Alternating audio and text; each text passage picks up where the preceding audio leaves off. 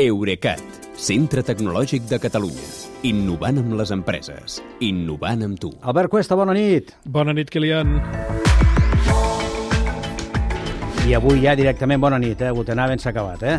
De moment sí. De moment Però sí. parlem d'Alemanya avui, eh? Ah, mira, eh, em diuen aquí que diràs que la venda d'abonaments de transport públic s'ha disparat amb la rebaixa de preu, però les dades d'un altre país indiquen que el tren gratuït no redueix el trànsit de cotxes, seria això? Seria això. Aviam, comencem. Uh, com, com heu anat explicant, des del primer de setembre estan vigents aquests abonaments de transport públic bonificats, uh, com els de l'ATM, o directament gratuïts com els de Renfe. I el sistema està tenint èxit, perquè TMB diu que porta venuts mig milió de títols amb descompte, que la T casual, que és la més venuda, ha augmentat un 30% les vendes respecte a les tarifes d'abans, la T usual les ha multiplicat per 5 i la T jove ho ha fet per 7. Eh, per la seva banda, la ministra de Transports diu que Renfe porta despatxats més de 200.000 200 títols gratuïts a Catalunya i d'aquests 170.000 són de Rodalies. Unes xifres que conviden a l'optimisme, però diríem que només en part?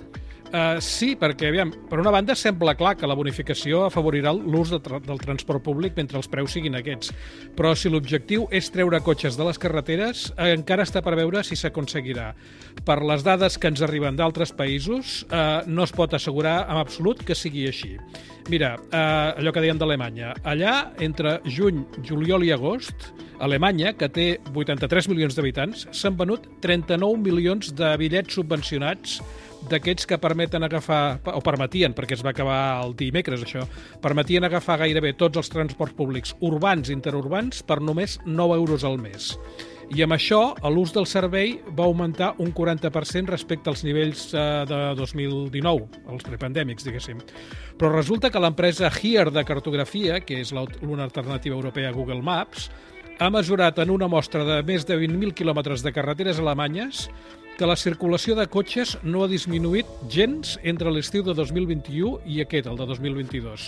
O sigui que potser amb els bitllets barats hi ha més gent que es desplaça, però els que ho feien amb cotxe ho continuen fent. O si més no, durant l'estiu. Aquí haurem d'esperar fins a final d'any per veure els efectes, eh? Per cert, sabem quants dels abonaments d'aquí s'estan carregant el telèfon mòbil? Uh, no, uh, els operadors no ho han especificat. Només han dit que el 98,5% de les vendes, o sigui, pràcticament totes, fins ara, s'han fet a màquines expenedores de les estacions i als canals digitals, o sigui que la gent a la taquilla no hi ha anat. Però és de suposar que els usuaris de la T-mobilitat de plàstic o el telèfon mòbil continuen fent-la servir amb les noves tarifes.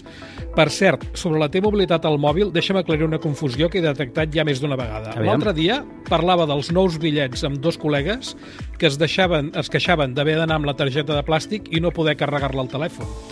A mi primer em va estranyar, perquè jo la hi tinc, però després em vaig adonar que tots dos feien servir iPhone. I això és el que ho explica tot, perquè només hi ha aplicació de T-mobilitat pels mòbils amb sistema Android. I per una vegada, això no és culpa de l'ATM, sinó d'Apple. Uh, uh, fins ara, el fabricant de l'iPhone reserva l'antena NFC del telèfon a la seva aplicació Apple Pay amb exclusiva i no permet que hi accedeixi cap altra. La Comissió Europea va amenaçar fa uns mesos que obligaria Apple a obrir a tothom a l'NFC dels iPhones, però l'empresa, ara com ara, s'hi resisteix. Per tant, si els usuaris d'iPhone teniu queixa, en aquest cas, reclameu Apple. I no a l'ATM, efectivament. Gràcies, fins demà. Bona nit, Kilian. Fins demà. Eurecat, centre tecnològic de Catalunya. Innovant amb les empreses. Innovant amb tu.